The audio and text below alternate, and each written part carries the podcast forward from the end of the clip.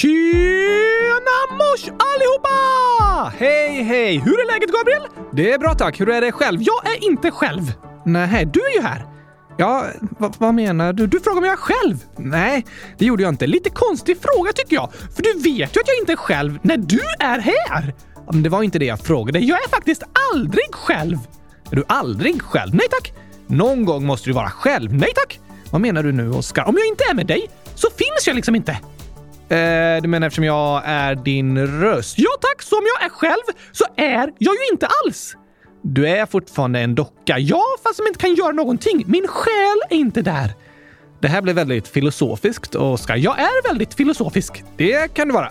Men visst, du är väl aldrig själv för jag behöver ju vara med dig för att du ska liksom finnas. Ja tack! Men jag frågade inte om du var själv. Jag sa, hur är det själv? Och jag vet inte hur det är, för jag är aldrig själv. Men det är inte det frågan betyder. Vad betyder den då? Du frågade hur läget var med mig och så svarade jag och frågade hur läget är med dig. Lägret? Jag är inte på läger. Läget! Ah! Är det bra med dig, Oskar? Ja tack! Allt med mig är bäst i test!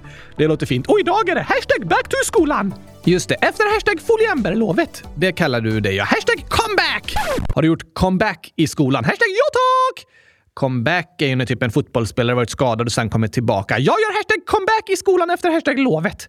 Okej, okay, det låter hashtag coolt. Ja, men det håller jag med om. Hashtag vad, hashtag har, hashtag du, hashtag gjort, hashtag på, hashtag lovet, hashtag Gabriel, hashtag frågetecken. jag har inte riktigt haft något eh, lov. En ledig dag från skolan bara, men jag har haft två prov senaste veckan så jag började plugga även på den lediga dagen. Hashtag typiskt. Så är det ibland. Men vad är det här med allt hashtaggande? Hashtag vadå? Varför säger du hashtag framför alla ord plötsligt? För att det är hashtag back to skolan hashtag idag. Ah, och det är hashtag coolt att säga hashtag hashtag. Hashtaggar du precis en hashtag. Hashtag ja, hashtag tack, hashtag utropstecken. Coolt. Har du tänkt fortsätta så hela avsnittet eller hashtag mer hashtag eller hashtag mindre? Du tror inte att du skulle kunna sluta med det under själva inspelningen? Hashtag hmm. Det blir lite lättare att lyssna om du inte säger det hela tiden. Hashtag kanske det. Du kan fortsätta sen när vi är klara. Och hashtag okej, okay, hashtag jag, hashtag ska, hashtag sluta, hashtag säga, hashtag hashtag. Tack, hashtag varsågod! Du säger det fortfarande. Hashtag sant. Men vilket språk ska vi alltså hälsa välkomna på idag? Vi säger salamat siang och välkomna till dagens avsnitt. Salamat siang! Yes, vilket språk är det? Det är på ett av de språken som talas i dagens land. Oh la la! Så ni lyssnare som har sett avsnittsnamnet vet vilket det är, men jag vet inte! Nej. Och du ska snart få veta, för det är dags att åka ut på en ny resa! I fantasin! Yes, alltså i min radiostyrda bil. Nej, i den riktiga fantasin. Fantasin är inte på riktigt. Nej, men jag menar inte att vi ska resa i din radiostyrda bil som heter Fantasin, utan i vår fantasi. ah, fast med riktig fakta. Just det, men i fantasin. Vi låtsas att vi åker dit. Hashtag jag fattar. Då sätter jag på gurkingen Oscar. Så packar jag väskorna så drar vi iväg! Du menar att du packar ner dig själv i väskorna? Va? Alltså, när vi är ute och reser så lägger jag dig i en av resväskorna. I en resväska? Ja, får jag inte ens ett eget säte? Det vore lite tokigt om jag liksom skulle åka tåg och så har jag köpt ett eget säte till min docka. Vad är det som är tokigt med det? Det låter respektfullt tycker jag. Fast om du får resa i en kylväska då? Oh la la! Det låter gurkastiskt, Gabriel! Vad bra! Resa i ett kylskåp! Då är vi alla glada. Då drar vi igång.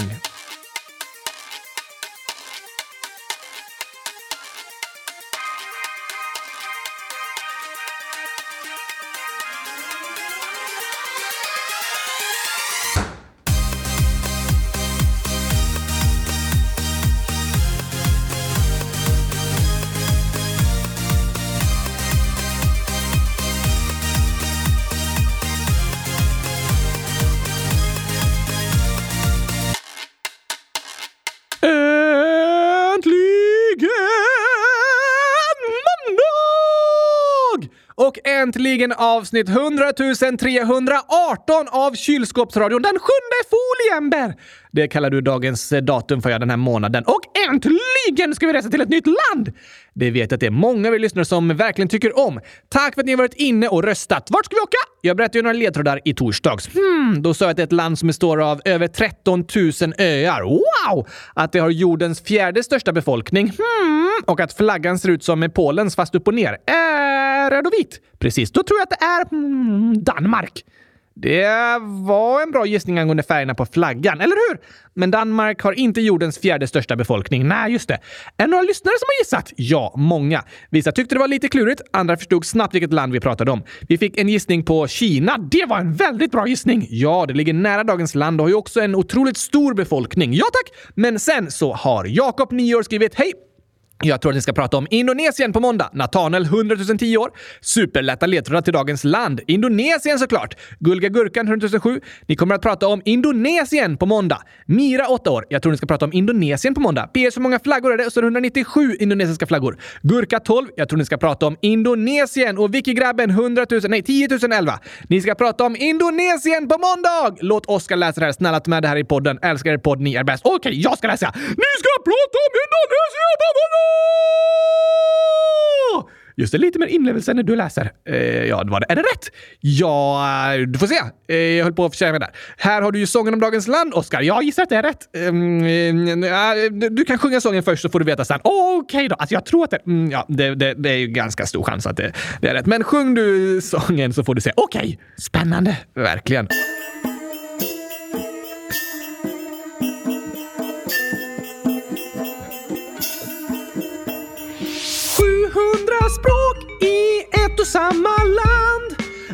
Skogens stråk leder ner till en strand. Här finns komodovaraner och java-elefanter. Sumatra-tigrar, och djur av alla varianter. Och världens fjärde största befolkning.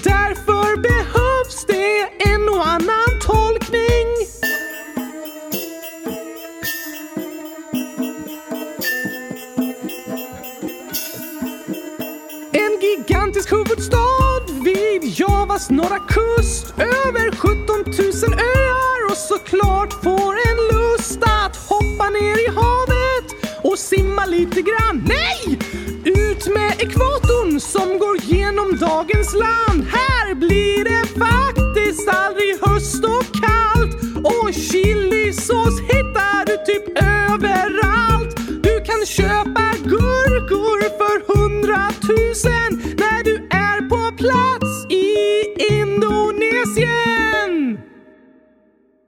Bra gissat allihopa! Det var rätt! Ja, såklart var det det. Vi har världens smartaste lyssnare! Verkligen. Och musiken i början av sången var så kallad gamelan, vilket är en slags musik med särskilda instrument som är väldigt vanlig i Indonesien. Aha!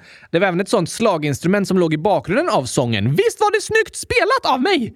Otroligt bra gjort, Oskar. Var ligger Indonesien någonstans? I sydöstra Asien. Ah, det är ett land som består av öar ute i havet mellan asiatiska kontinenten och Australien. Små eller stora öar? De flesta människorna bor på stora öar, men det finns också tusentals små öar i Indonesien. Över 13 000 står det information på vissa hemsidor och sådär, men på andra ställen så står det att det är över 17 000 öar och runt 6 000 av dem är befolkade. Wow! Det är väldigt många. Ska vi ta 10 snabba? Eller jag menar 12 långsamma? Eller typ eh, 17 frågor i sköldpaddsfart?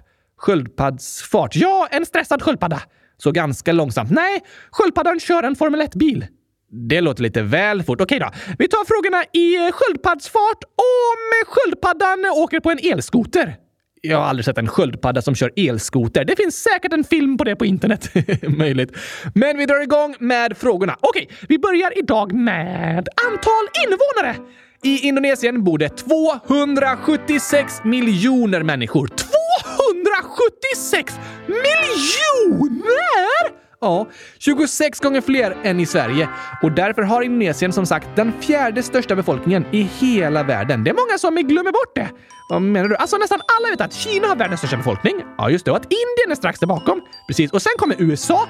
Och det vet alla att det är ett stort land. Just det. Men strax efter USA kommer Indonesien. Det är ett otroligt stort land. Men trots sin storlek så är det inte så många i Sverige som känner till så mycket om Indonesien. Alltså passar det superbra som dagens land!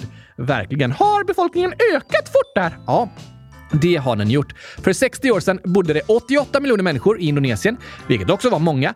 Men idag bor det mer än tre gånger så många människor i landet. Från 88 till 276 miljoner på 60 år! Otroligt. Sveriges befolkning har under samma tid ökat från 7,5 till 10,5 miljoner. Inte lika stor skillnad. Verkligen inte. Är det inte svårt när en befolkning växer så snabbt? Jo, det skapar många utmaningar för ett lands styre. Städerna växer fort och det är svårt att hänga med och bygga hus och infrastruktur snabbt nog. Vad betyder det där? Infrastruktur är liksom viktiga funktioner som vi behöver för att leva tillsammans i moderna samhällen, som med gurkaglass.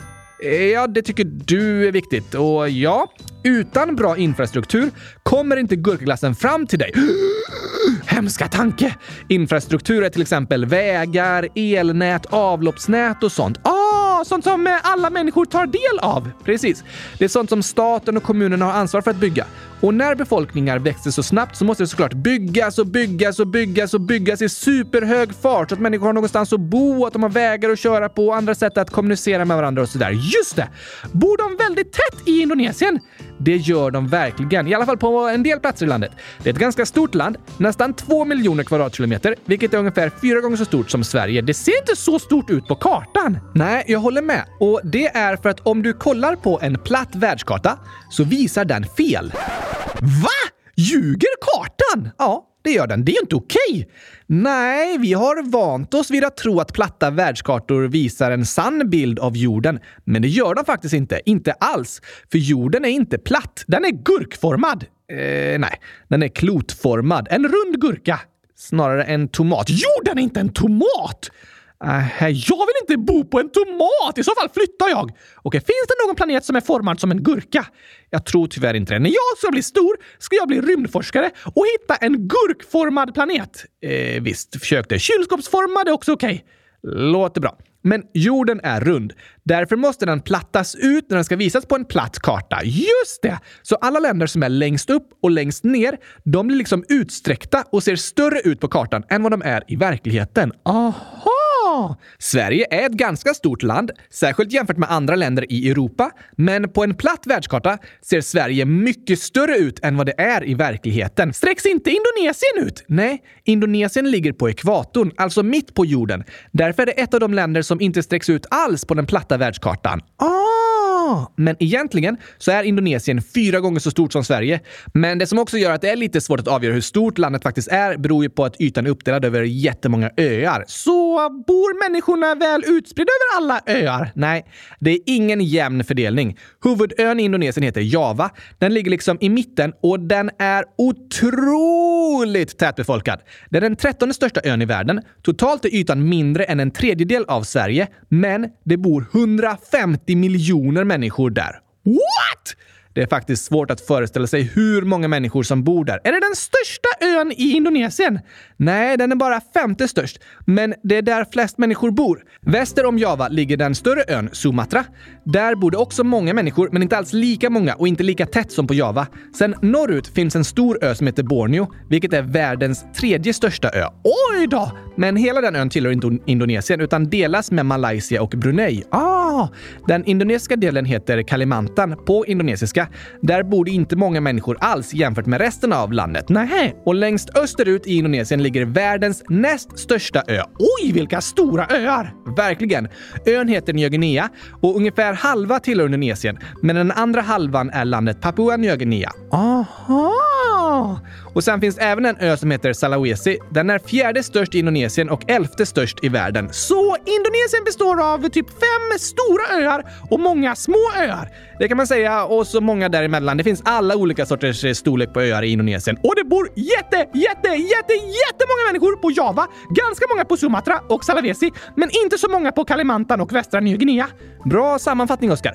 Skillnaden mellan Java och västra Nya Guinea går att jämföra lite med skillnaden mellan eh, Stockholms innerstad och eh, Lappland, fast ännu mer extremt. Just det, det bor människor i Lappland också. Absolut. Det bor många i Lappland och det bor många människor på Kalamati och västra Nya Guinea också. Det finns stora städer där med, men det är glesbefolkade öar och där finns stora områden som är näst intill obebodda. Okej! Vad är det för natur? Indonesien ligger precis på ekvatorn och ut med ekvatorn så är det ju regnskog. Ah, ligger Amazonas vid ekvatorn? Ja, Amazonas och Kongo som tillsammans med Indonesien är kända för sina fantastiska regnskogar.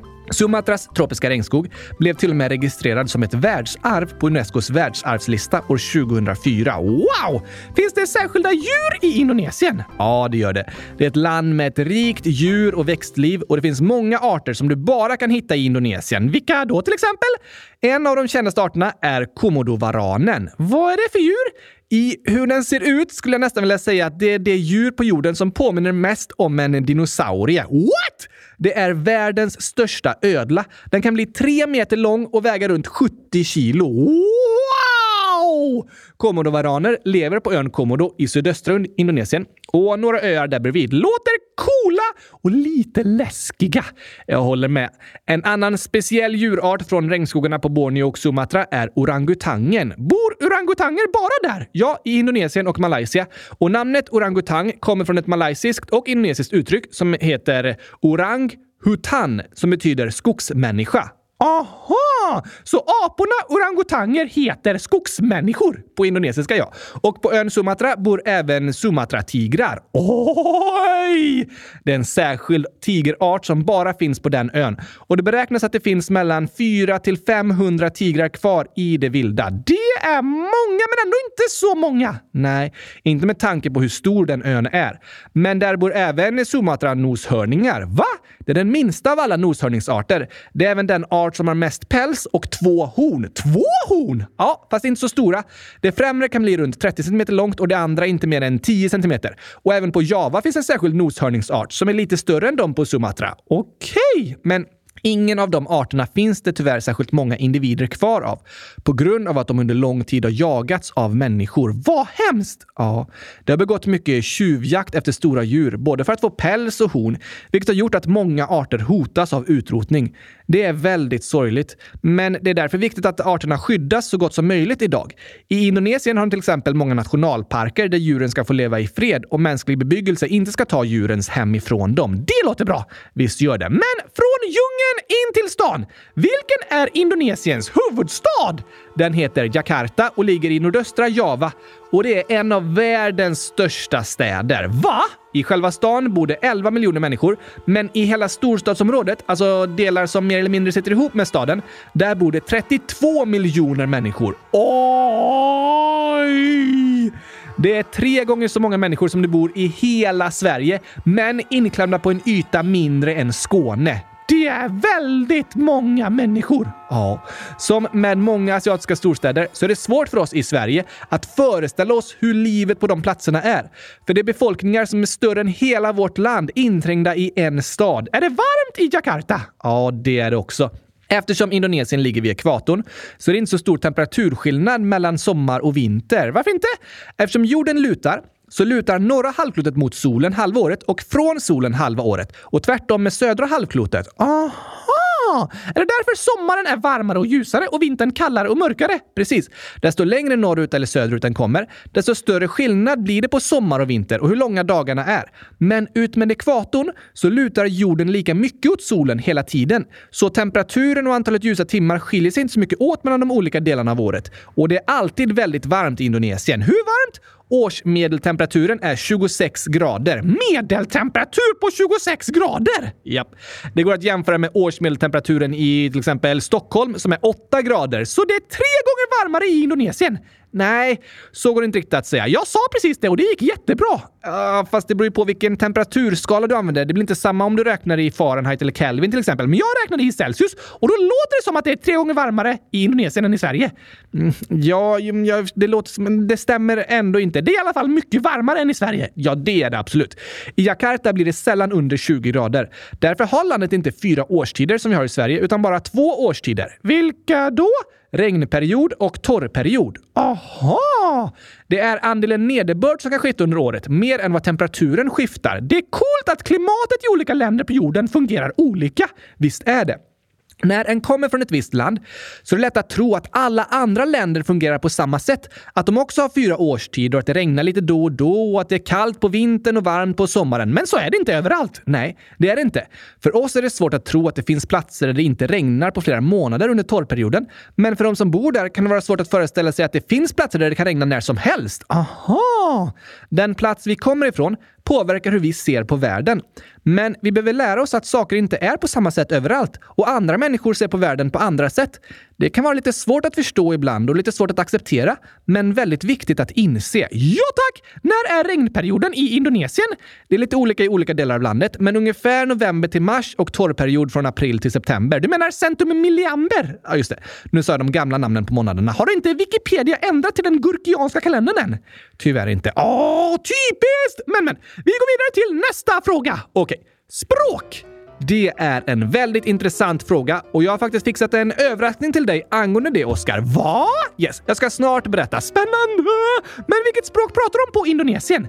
Det officiella språket heter indonesiska och det är ett språk som nästan 300 miljoner människor talar. Så ett väldigt stort språk! Verkligen. Men de flesta har indonesiska som andra språk. Vad menar du? Jo, i Indonesien finns det över 700 olika språk. What? Det är en tiondel av alla språk som finns i hela världen. Oj, oj, oj, oj, oj! Indonesien är det land där det talas näst flest olika språk av alla länder i världen. Vilket land har flest språk? Deras grannland Papua Nya Guinea, som sitter ihop med Indonesien. Ja, precis. De delar ju på ön Nya Guinea. Det är också ett väldigt spännande land. Det bor 9 miljoner människor där ungefär. Inte så många om man jämför med Indonesien. Nej, stor skillnad mot ön Java, men ganska likt den indonesiska sidan av ön Nya Guinea. Aha! Men trots att det bara bor 9 miljoner människor i Papua Nya Guinea finns det över 850 språk i landet. Wow! Så ön Nya Guinea är världens språkrikaste plats? Absolut. Varför det? Det beror på att invånarna där bor i samhällen väldigt isolerade ifrån varandra. Att de har långt mellan sig. Ja, och särskilt är det svårt att ta sig däremellan på grund av täta regnskogar, höga berg och våtmarker. Så människor från olika byar har inte träffats och de har utvecklat olika språk. Aha! På ön Nya Guinea finns det fortfarande många byar och samhällen där människorna lever utan någon kontakt med omvärlden. Ställen har sitt eget språk. Ja, det kan man säga. Är det på ön Nya Guinea som de flesta språken i Indonesien också finns? Nej, lite mer än en tredjedel av de 700 språken i Indonesien finns på den ön. Men även på de andra öarna talas det väldigt många olika språk. Hur går det att ha ett så stort land med så många olika språk? Ja, alltså, det är därför indonesiskan har vuxit sig så stor. Det har blivit det officiella språket som i princip alla människor kan prata för att kommunicera med varandra från olika platser. Aha! Men de flesta talar ett eh, lokalt språk först liksom. Precis. Nästan alla som bor i Indonesien är tvåspråkiga. Barnen talar ett språk hemma och indonesiska i skolan. Oj då! Finns det inga som har indonesiska som första språk? Jo, i storstäderna finns det de som växer upp och så att säga bara pratar indonesiska. Särskilt i huvudstaden Jakarta, som är den plats där det pratas mest indonesiska. På de andra platserna i landet pratas det även ett eller flera lokala språk. Okej, okay, och nu till min överraskning. Jag får gissa! Uh, visst, du ska berätta att gurkaglass är Indonesiens nationalrätt! Uh, nej, okej. Okay. Du ska berätta att det finns vandrande kylskåp i Sumatras regnskog! Inte det heller. På Borneo då? Nej. Nya Guinea? Nej. Det finns inga vandrande kylskåp någonstans i Indonesien. Ah, typiskt!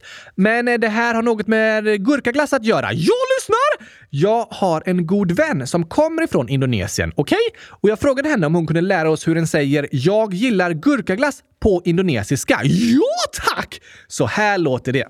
Aku suka es krim rasa ketimun. Aku suka es krim rasa ketimun. Precis. Här får du höra det lite långsammare. Aku suka es krim rasa ketimun. Aku suka es krim rasa ketimun. Just det. Ketimun betyder gurka. Eskrim låter som glass, absolut. Och akusuka betyder jag gillar. Akusuka kylskåp! Det stämmer också för dig. Akusuka eskrim rasa ketimun. Nu är jag redo att åka till Indonesien, Gabriel! Fint att höra. Frågan är dock om du kommer få tag på någon gurkaglass där. Jag tror det är ganska vanligt. Det tror tyvärr inte jag. Om jag frågar riktigt snällt. Då kanske de kan fixa fram det. Vad finns det för vanliga maträtter i Indonesien då? Eftersom det finns 6000 olika bebodda öar i Indonesien och mer än 300 folkgrupper och över 700 språk, just det, så finns det även många olika sorters matkulturer. Såklart! Maten varierar mycket från region till region, men det finns en maträtt som heter tumpeng som blivit utsedd till Indonesiens nationalrätt för att den eh, så kallat binder samman mångfalden i den indonesiska matkulturen. Vad är det för maträtt?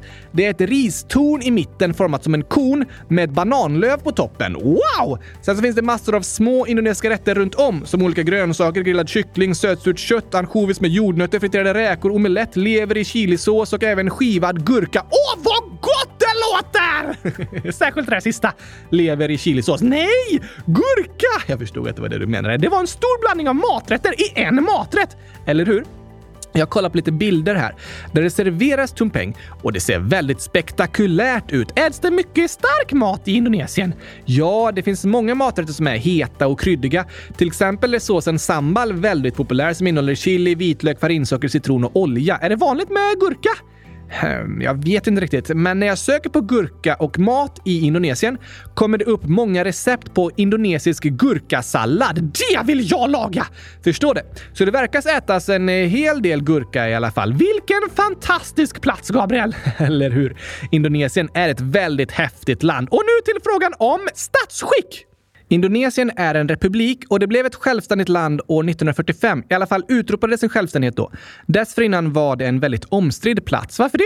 Alltså, handeln mellan olika länder på jorden har genom historien till stor del genomförts med skepp och då är ju hamnstäder väldigt viktiga, vilket gjort att önationer som Indonesien ofta sett som viktiga platser. Aha! De europeiska kolonisatörerna kom dit redan på 1500-talet och till en början var det särskilt kryddor som europeiska handelsföretag var intresserade av från Indonesien. Men de kunde väl bara ta och köpa kryddor? De behövde väl inte invadera och kolonisera hela landet? Nej, det håller jag verkligen med dig om, Oskar. Men under flera hundra år var Indonesien en nederländsk koloni.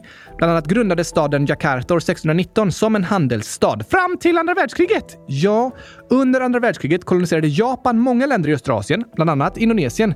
Till en början var många invånare glada över att japanerna hjälpte till att befria Indonesien från Nederländerna.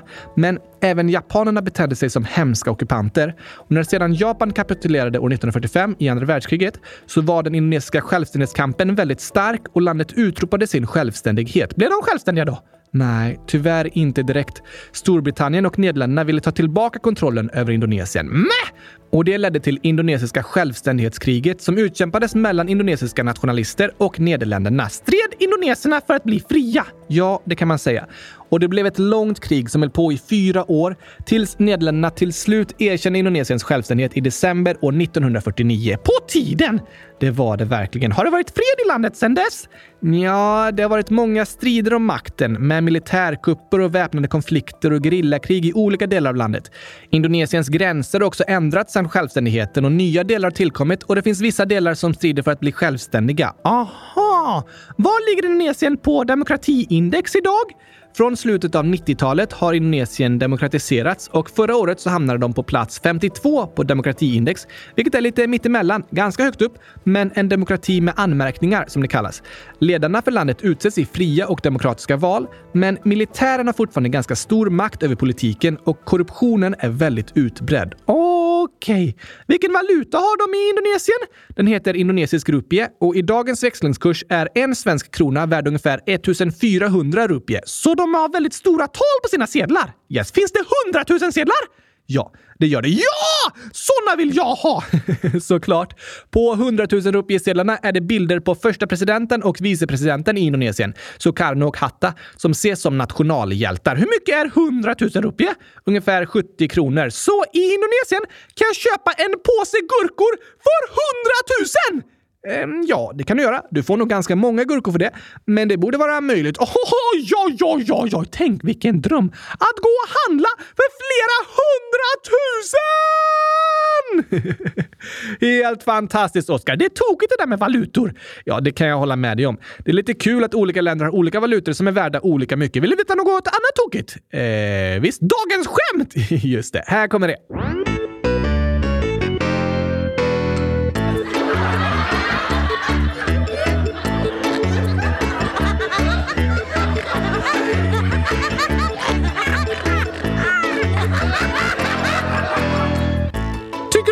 Skämta i Indonesien? Ja, såklart. Det tror jag att eh, alla länder tycker om att göra. Skratt är bäst i test! Jag håller med. Och jag hittade faktiskt en hemsida med indonesiska skämt som är översatta till engelska. Va? Och nu ska du översätta dem till svenska? Eh, just det. Vad finns det för indonesiska skämt då, Gabriel? Ett är så här. När passar det att öppna dörren? Ha. När någon kommer med gurkaglass till dig? Ja, då passar det ju bra, men det är inte rätt. Okej, okay. kanske när det är fint väder? Ja, då är det trevligt att öppna dörren, men det är också fel. Då vet jag inte. När passar det att öppna dörren? När den är stängd. Ah, såklart! Då passar det verkligen att öppna den, eller hur? Vad tokigt. Jag får kolla här på hemsidan. Hmm, här har jag en kluring till dig! Okej, okay. kan du engelska, Oskar? Jag kan det jag behöver. Vad bra. Jag har tre huvuden, tre fötter, tre händer och tre fingrar. Vad är jag? Oj! Tre huvuden? Är det tre personer som sitter ihop? Fast nej, då blir det ju sex fötter och 30 fingrar. Bara tre av varje ska det ju vara. Vilken konstig kombination. Lite klurigt är det. Ja, men är det något speciellt djur eller? Nej tack! Um, nej, Oskar, jag har ingen aning. Vad är du om du har tre huvuden, tre fötter, tre händer och tre fingrar? En lögnare. Aha! det är det ju om du säger att du har det, för det har jag inte. Den var tokig. Ja tack! Här är en annan gåta. Vad är litet, vitt och högt? Litet och högt. Precis.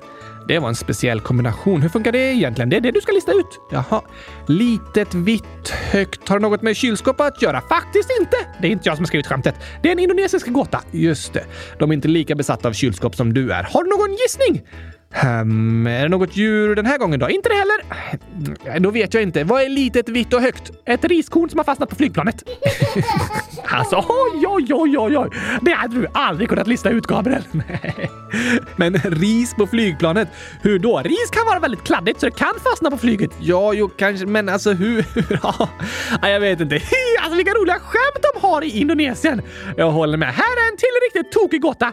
Varför har människor näsan fram på huvudet? Eh, ja, den sitter där framme för att kunna känna lukt nerifrån kanske? Nej tack! För om den sitter ovanpå huvudet kan människor inte ha hatt. Jaha. Väldigt bra anledning. Jag tror inte det är därför. Jag tycker det låter rimligt. Något annat rimligt. Varför ska du gå ur bilen med vänster fot först? Eh, jag vet inte. För om du går ut med huvudet först så ramlar du rakt ner i gatan. Ja, såklart. Fler indonesiska gåtor! Fem personer trängs under ett paraply och ingen av dem blir blöt. Hur är det möjligt? Oj, eh, det är ett jättestort paraply? Nej, det är jättelitet. Va? De fem personerna måste vara väldigt små då? Nej, de är väldigt stora. Det går ju inte. Fem stora personer under ett litet paraply utan att bli blöta. Det går jättebra. Hur då? Det regnar inte. Mäh. Där fick jag dig, Gabriel! Det var en riktig luring. Indonesien är ett av mina nya favoritländer. Där går det att köpa gurkor för 100 000 rupier och de har världens tokigaste skämt. Det är ett spännande land faktiskt. Jag vill snart lära mig mer, men först har vi en sång. Okej, vilken tycker du vi ska ta idag då? Eftersom lovet är slut så passar det perfekt att lyssna på hashtag backtoskolan. Det håller jag med om. Här kommer den. Du menar hashtag här, hashtag kommer, hashtag den. Hashtag okej. Okay.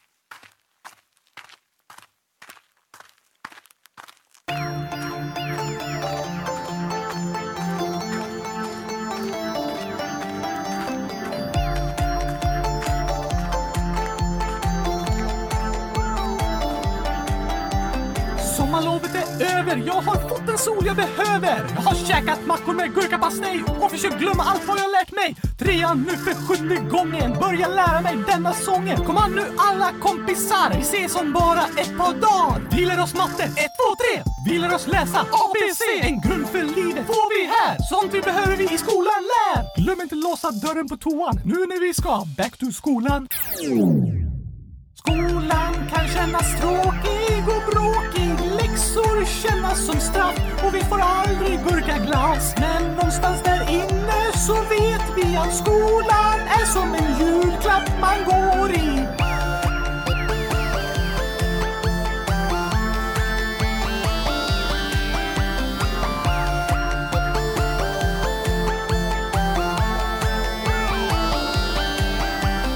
Nu ska hösten regna bort, nederbörd av all dess sort.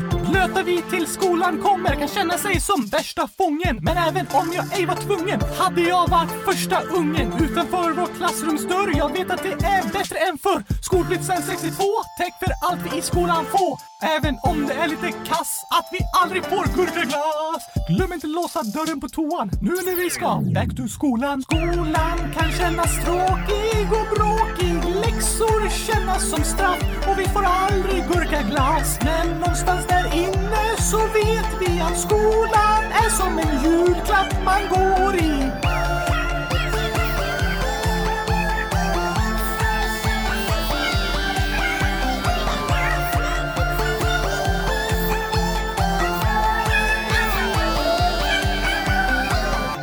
vara pinsamt att glömma låsa dörren, Gabriel, när man ska hashtag kissa. det kan det vara. Eller hashtag bajsa. Det kan vara pinsamt att säga hashtag på lite fel ställen också. Hashtag whoops, hashtag fail, hashtag sluta säga hashtag, hashtag okej. Okay. Skolan kan kännas tråkig läxor kännas som straff och vi får aldrig gurkaglass. Men någonstans där inne så vet vi att skolan är som en julklapp man går i.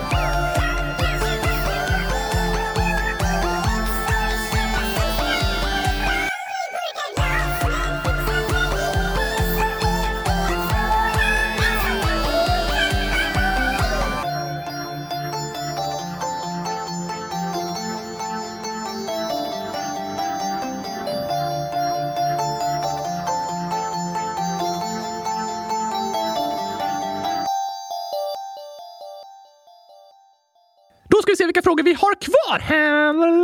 Flagga! Just det, Indonesiens flagga är röd och vit. Precis. På indonesiska heter den Sang Merah Putih. Vad betyder det? Den röda och vita. Ah, logiskt namn, verkligen. Men vad betyder flaggan? Jo, alltså färgerna kan spåras tillbaka till Majapahiti-riket på 1200-talet som hade en rödvit-randig flagga. Aha, vad var det för rike? Det var på flera av de indonesiska öarna som Java, Borneo, Sumatra och Bali från slutet av 1200-talet till början av 1500-talet. Det var det sista av de stora hinduiska rikena i Sydostasien. Okej, okay. sen så började de röda och vita färgerna användas igen i självständighetsrörelsen i början av 1900-talet för att det var den flaggan man haft senast de var självständiga i Indonesien. Ja, jag skulle gissa att det är kopplingen. Och den nuvarande flaggan, som är röd på övre halvan och vit på den nedre halvan, antogs på Indonesiens självständighetsdag den 17 augusti år 1945. Så självständighetsdagen var 1945, innan kriget började? Precis. Indonesien utropade sin självständighet efter att andra världskriget slutat i augusti 1945, men sen så kämpade de i självständighetskriget i fyra år innan deras självständighet erkändes av de gamla kolonialmakterna. Just det! Men det är fortfarande 17 augusti 1945 som är deras självständighetsdag och 17 augusti som är deras nationaldag idag. Den dag då de utropade sin självständighet. Då lämnar vi politiken och går vidare till vanligaste sporten! Den populäraste sporten i Indonesien är badminton. Badminton! Ja, det gillar jag. Gör du? Ja tack! Jag håller racket i munnen. Aha. Låter klurifaxigt, men jag är väldigt skillad. Ja, det kan jag eh, tänka mig. Alltså, jag hade verkligen en god vibe runt Indonesien och nu blir den ännu bättre när fotboll inte är populäraste sporten. Fotboll kommer två. Shh, don't kill my vibe. Okej. Okay. Men inofficiell nationalsport i Indonesien är en sport som heter Pencak Silat. Vad är det? Det är ett samlingsnamn för olika kampsporter som har sitt ursprung i området runt Indonesien och även i Malaysia, Singapore, södra Thailand, Filippinerna och Brunei. Aha! Kampen utövas ofta tillsammans med en speciell form av musik och traditionell folkdräkt. Coolt! Det är en häftig sport. Vanligaste namnen då?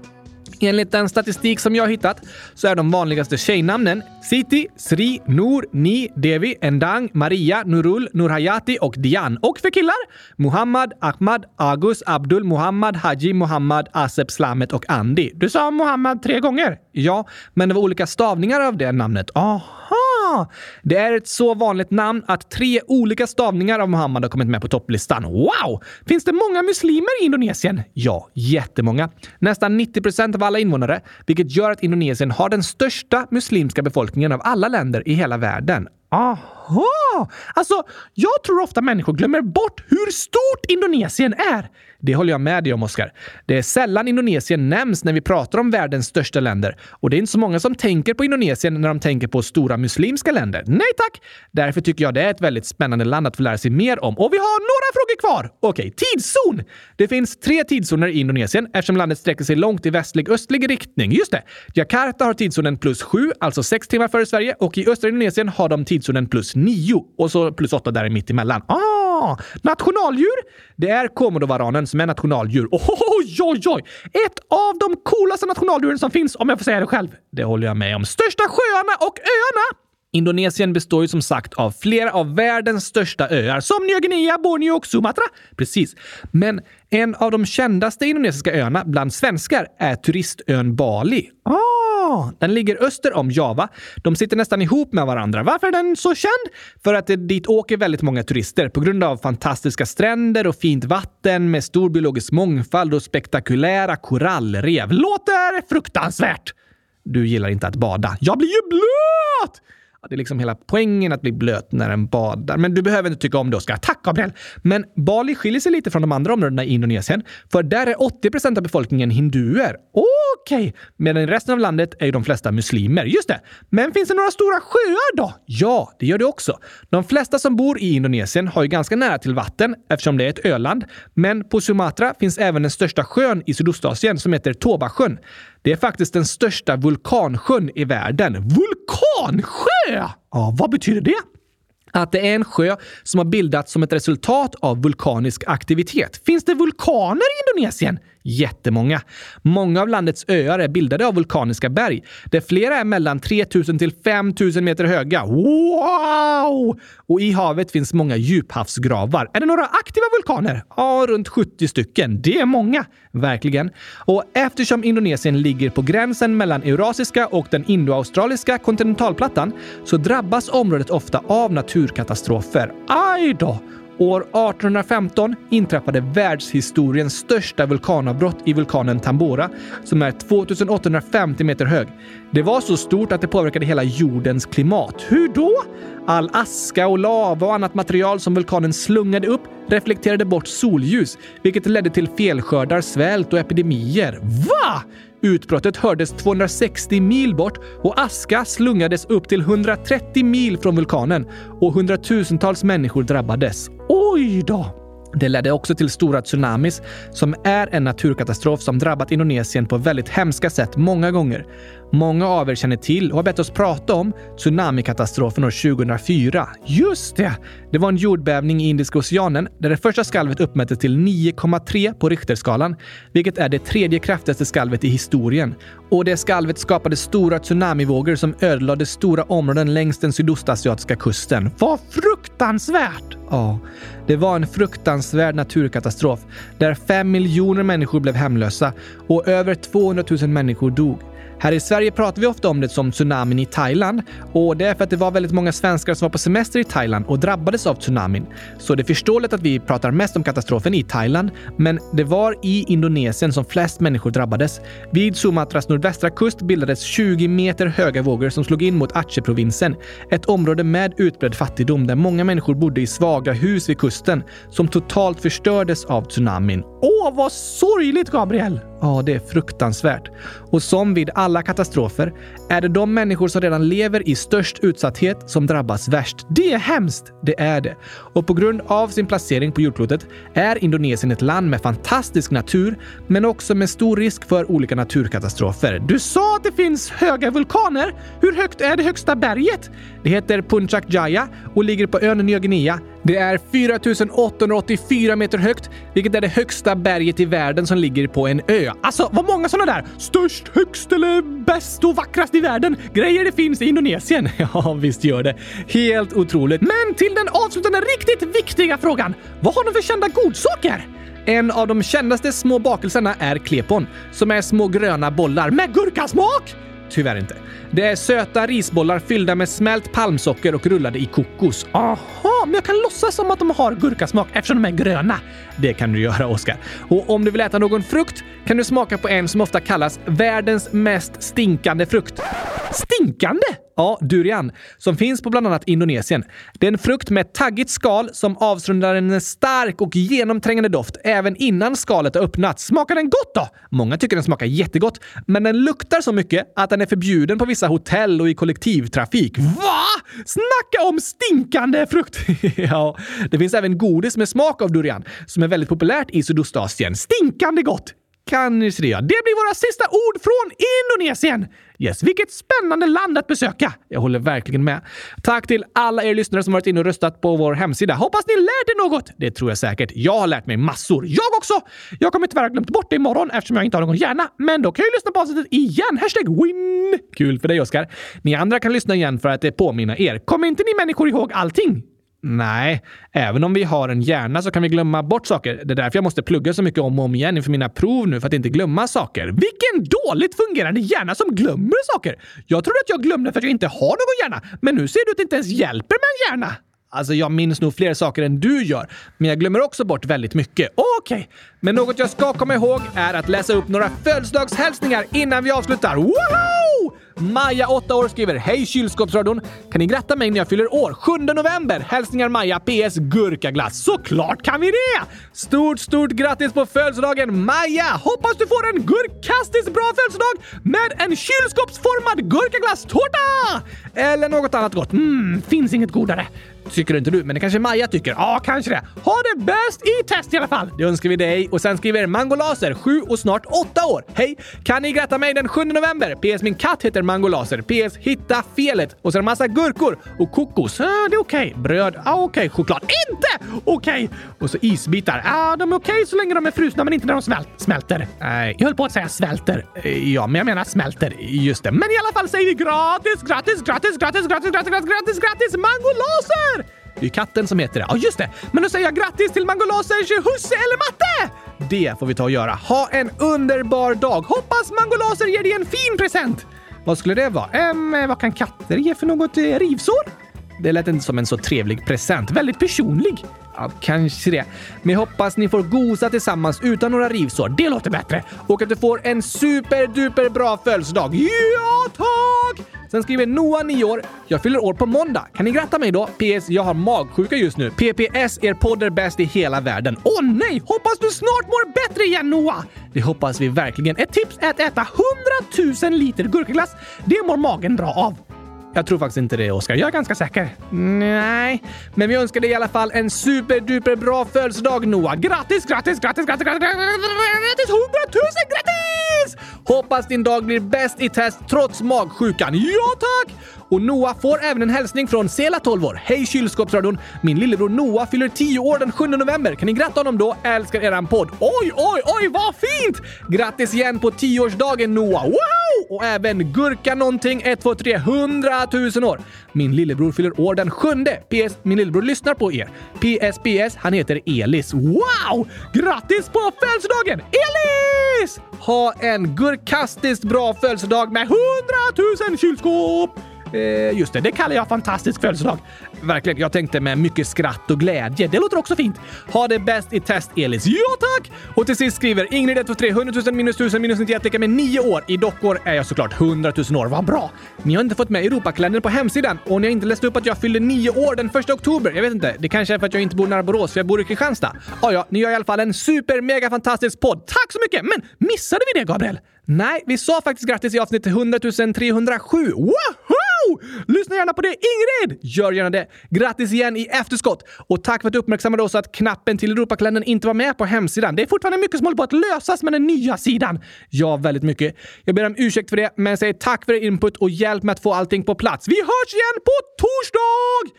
Det gör vi. Ha det bäst i test tills dess. Ska vi spela Indonesien-sången igen? Vi tar först den och sen avslutar vi med gurkaingen. Okej, okay, tack och hej! Indonesisk gurkapastej! Hej då!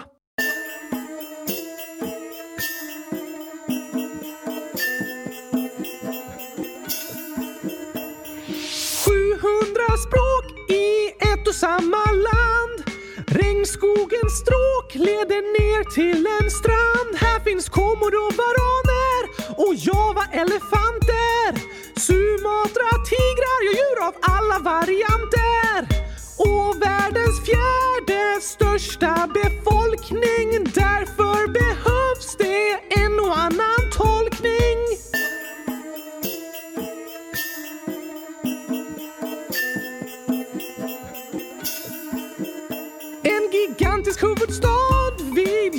Javas norra kust. Över 17 000 öar och såklart får en lust att hoppa ner i havet och simma lite grann. Nej! Ut med ekvatorn som går genom dagens land.